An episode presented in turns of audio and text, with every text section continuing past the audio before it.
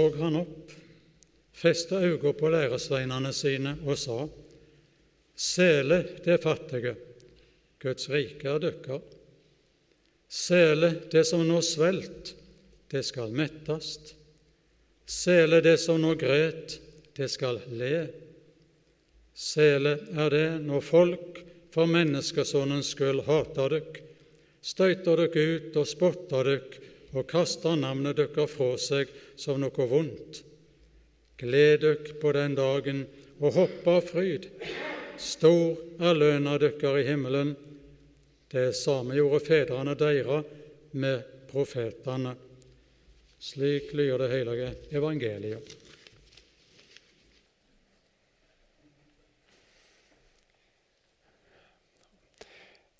Når jeg ser for meg Jesus i møte med mennesker, så, så har jeg to bilder. Det ene liksom det er når han står foran måtte, i mange og taler liksom, og er engasjert og forteller historier og drar folk med måtte, i ulike følelser. Jeg tror Jesus var, var, god til å fortelle historier som både var på en måte toppen av livet og bunnen av livet.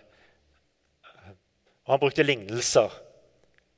Og det andre har vært Jesus i møte med enkeltmennesker. I dagens tekst så står det at han er sammen med disiplene. Se for meg kanskje litt mer enn de tolv. At det ikke bare er mannfolk, men det er noen damer der òg. Men la oss si at det er, en, det er en liten flokk. Og når de forteller denne historien etterpå Lukas var jo ikke der og var øyenvitne. Han har fått det fortalt, og så skriver han det der. Men når de forteller historien etterpå, så tar de med en liten detalj. Og det er at Jesus løfter blikket og ser på dem.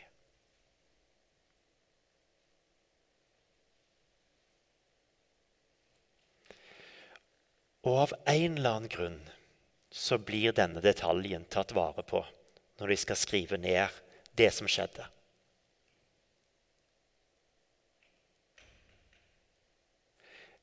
Jeg syns det er et fint bilde på nettopp det der eh, med at Jesus ser oss. Eller vi blir sett. Med hele oss, med alt det som er. Og I sorgens rom så bruker vi jo ulike for, ord for å beskrive sorg.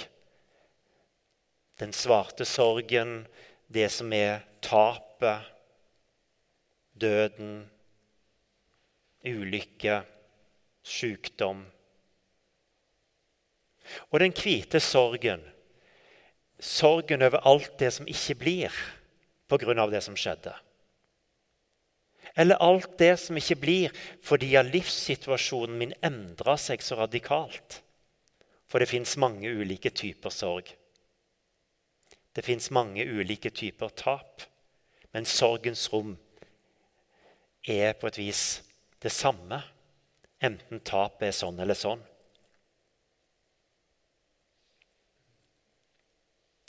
En av de vakre fortellingen i Gamletestamentet er om Hagar, som var slave hos Abraham. Og Det blir jo konflikt der med Sara, til slutt så må hun rømme. Og hun må tenke det er ganske langt å gå fra rundt Jerusalem, Kana, det området der, og gå til Egypt, som var der hun kom fra. Og på veien kan det synes som om hun egentlig gir opp. Jeg orker ikke mer. Hun er høygravid. Hun går der alene. Hun kjenner på tapet over det som hun hadde i Abrahams hus, den posisjonen som hun fikk med å være måtte, mor til Abrahams barn.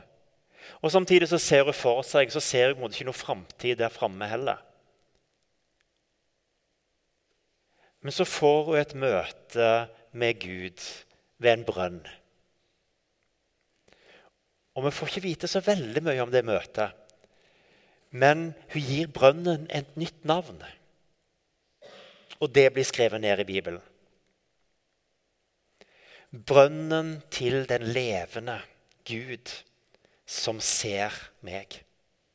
Brønnen til den levende Gud som ser meg. Og vi har det i velsignelsen på slutten av gudstjenesten. Herren lar sitt ansikt lyse over deg, og så er det der Herren løfter sitt åsyn.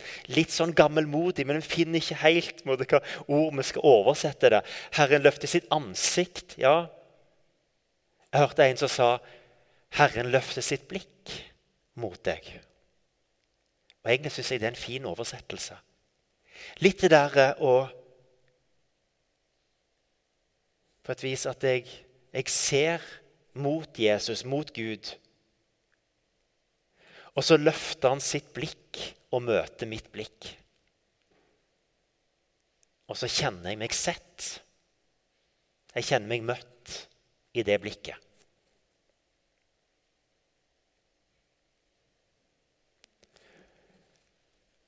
Så Jesus løfta sitt blikk og så på disiplene.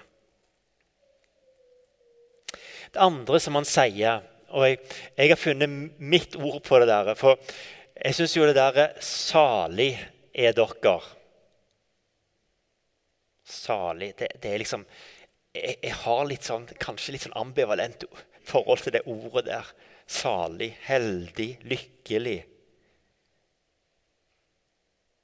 Og Samtidig så tror jeg det er litt sånn bevisst at en har valgt å ikke finne et mer moderne ord, men valgt å ta vare på det. Og så har jeg lagd min egen setning. Måte, her er glede, sorg, sult, mett, fattig, rik. Jeg har lyst til måte, å Eller for meg så ble det iallfall en oppsummering i Salige er dere som har lært å leve med livets kontraster. Salige er vi. Heldige vi som har lært å leve med livets kontraster. Og på en eller annen måte forsont oss med livets kontraster.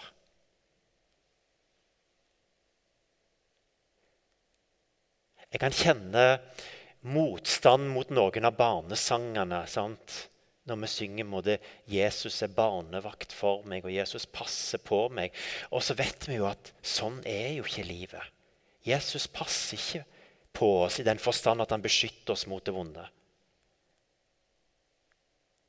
Men likevel så er det sant. Fordi han ser oss, han går sammen med oss. Vi er ikke alene. Salig er den som tror at Jesus går med i alt som skjer. Uansett hva som skjer. Våge å tro at Jesus er der.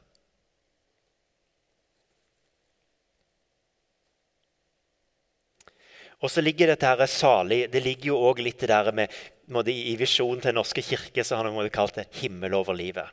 Jeg synes Det er en fin, set, fin måte, formulering. Det der med å ha en himmel over livet. At det, det er ikke bare her og nå, men det er òg en evighet. Og Etter preika i dag så skal vi synge 'Å, hur saligt å få vandre'. Og Det er liksom en gammel slager. og jeg kan nesten litt sånn tenke, Det er litt sånn måte, happy-clappy eh, over den sangen. Og tenke å, du, hva kan vi synge den? Men kanskje er det nettopp det. Vi som har lært å leve med livets kontraster. Vi kan òg våge å synge om himmelen. Vi kan våge å synge om det gode. Vi kan våge å glede oss. Vi kan være i sorgens rom, men vi kan òg gå inn i gledens rom fordi vi har lært oss å leve med disse kontrastene. Så ja, det passer.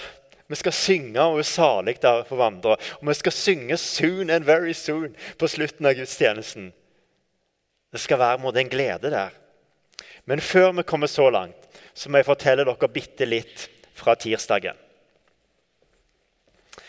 For da hadde vi tema i konfirmantarbeidet om livsveien. Og litt det å se for oss livsvandringen vår. Og Jeg skulle gi dem en oppgave med å tegne, og da måtte jeg jo tegne sjøl. Og det var jo ikke bare lett. Og det skjønner dere snart.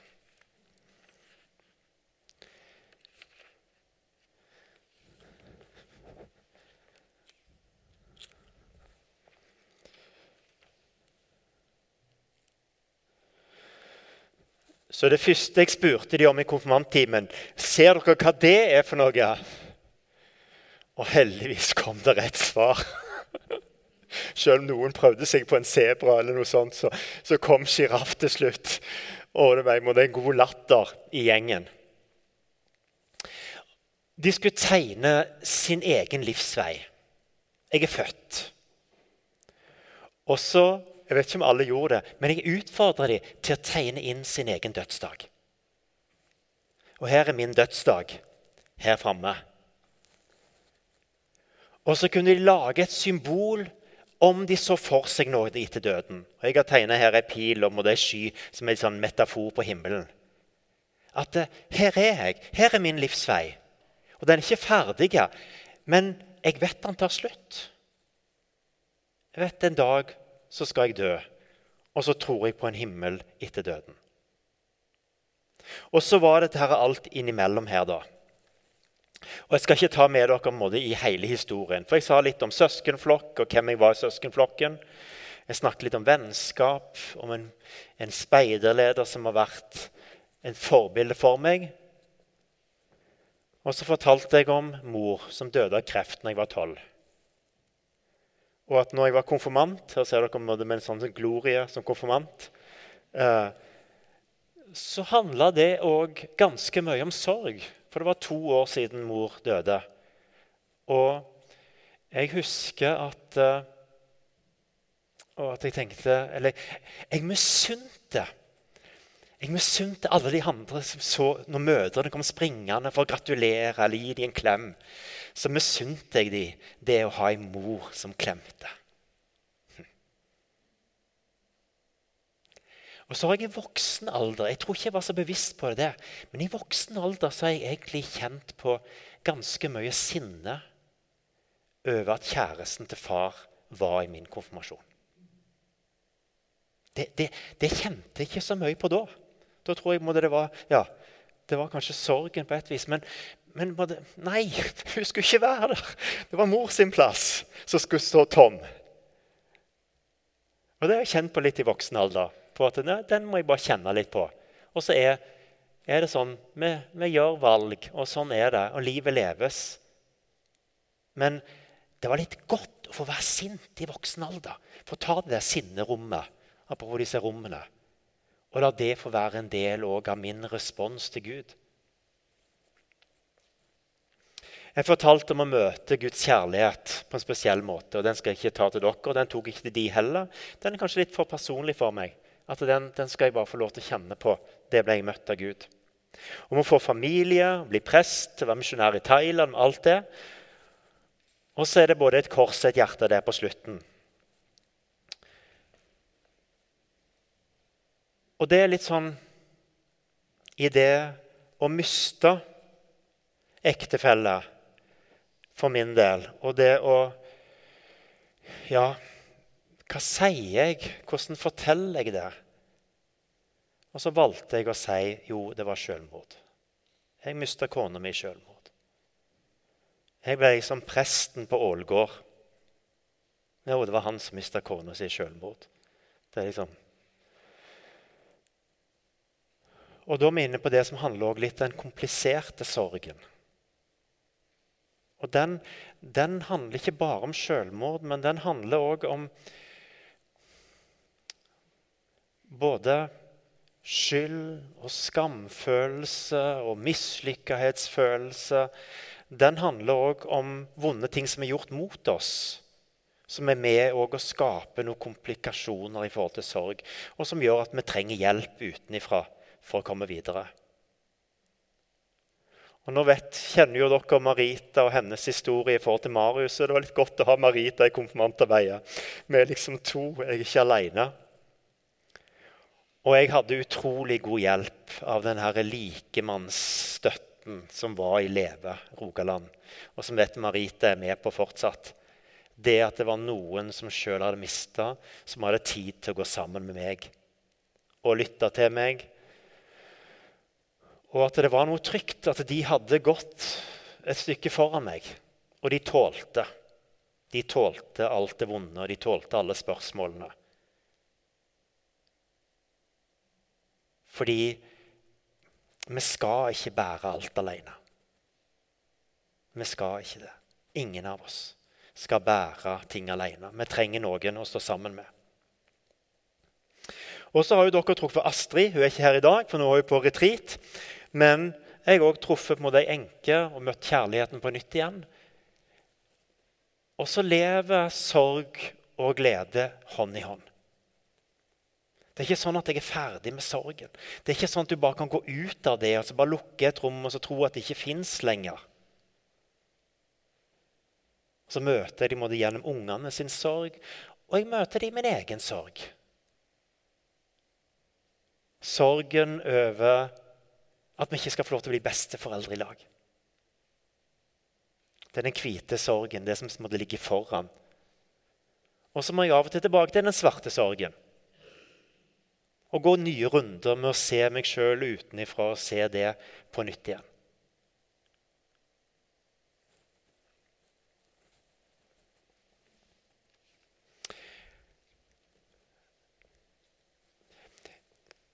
I forhold til konfirmantene så avrunda jeg litt måte, fortellingen med å, å, si at eh, Jesus sa det, at han vil være med oss alle dager. Og når vi tegner opp livslinja vår og livsveien vår, så er det også litt spørsmål hvordan kan vi tro det, at Jesus virkelig går sammen med oss i alt som skjer.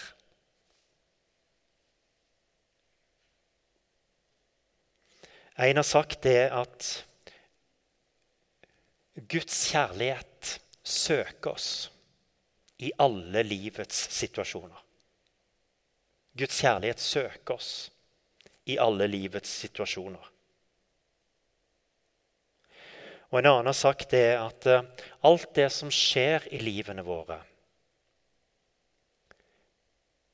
det er òg potensialet til å bli frø eller rom i hjertet vårt. alt hvilken metafor du vil bruke. Men du bruker frø som kan vokse til å bli noe som får betydning for oss uansett.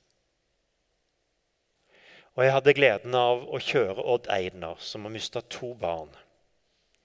Etter frivillighetskonferansen vi hadde der, så kjørte jeg han måte, til Haugesund. Og så spør jeg han på en måte, hva, hva har sorgen gjort med deg? Og så var han litt innom det der med at for han som prest han hadde en periode der på et vis han ikke orka å be. Han sier sjøl at 'jeg mista troen på Gud'. Det ble bare helt kaldt.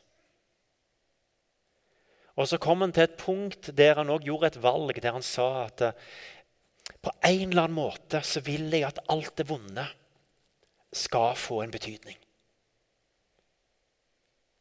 Jeg vil at det skal være noe som jeg kan ta med meg og gjennom denne erfaringen og dele med andre for å gi andre livsmot og håp. Og Da tenker jeg litt, og er dette frøet som har fått lov til å vokse til noe? Og I bildet så, så jeg for meg at dette frøet vannes med omsorg. Med det å bli sett. Det vannes med både Guds og menneskers kjærlighet. Men jeg òg så for meg at det, det vannes med en porsjon rettferdighet. Og at det handler noe om å snakke sant om det som var. Og der må jeg tenke, Det ligger òg litt rettferdigheten for meg. at det, er det noe urettferdig som er begått, så må det òg snakkes sant om. Ellers så får ikke dette frøet den næringen det trenger for å vokse.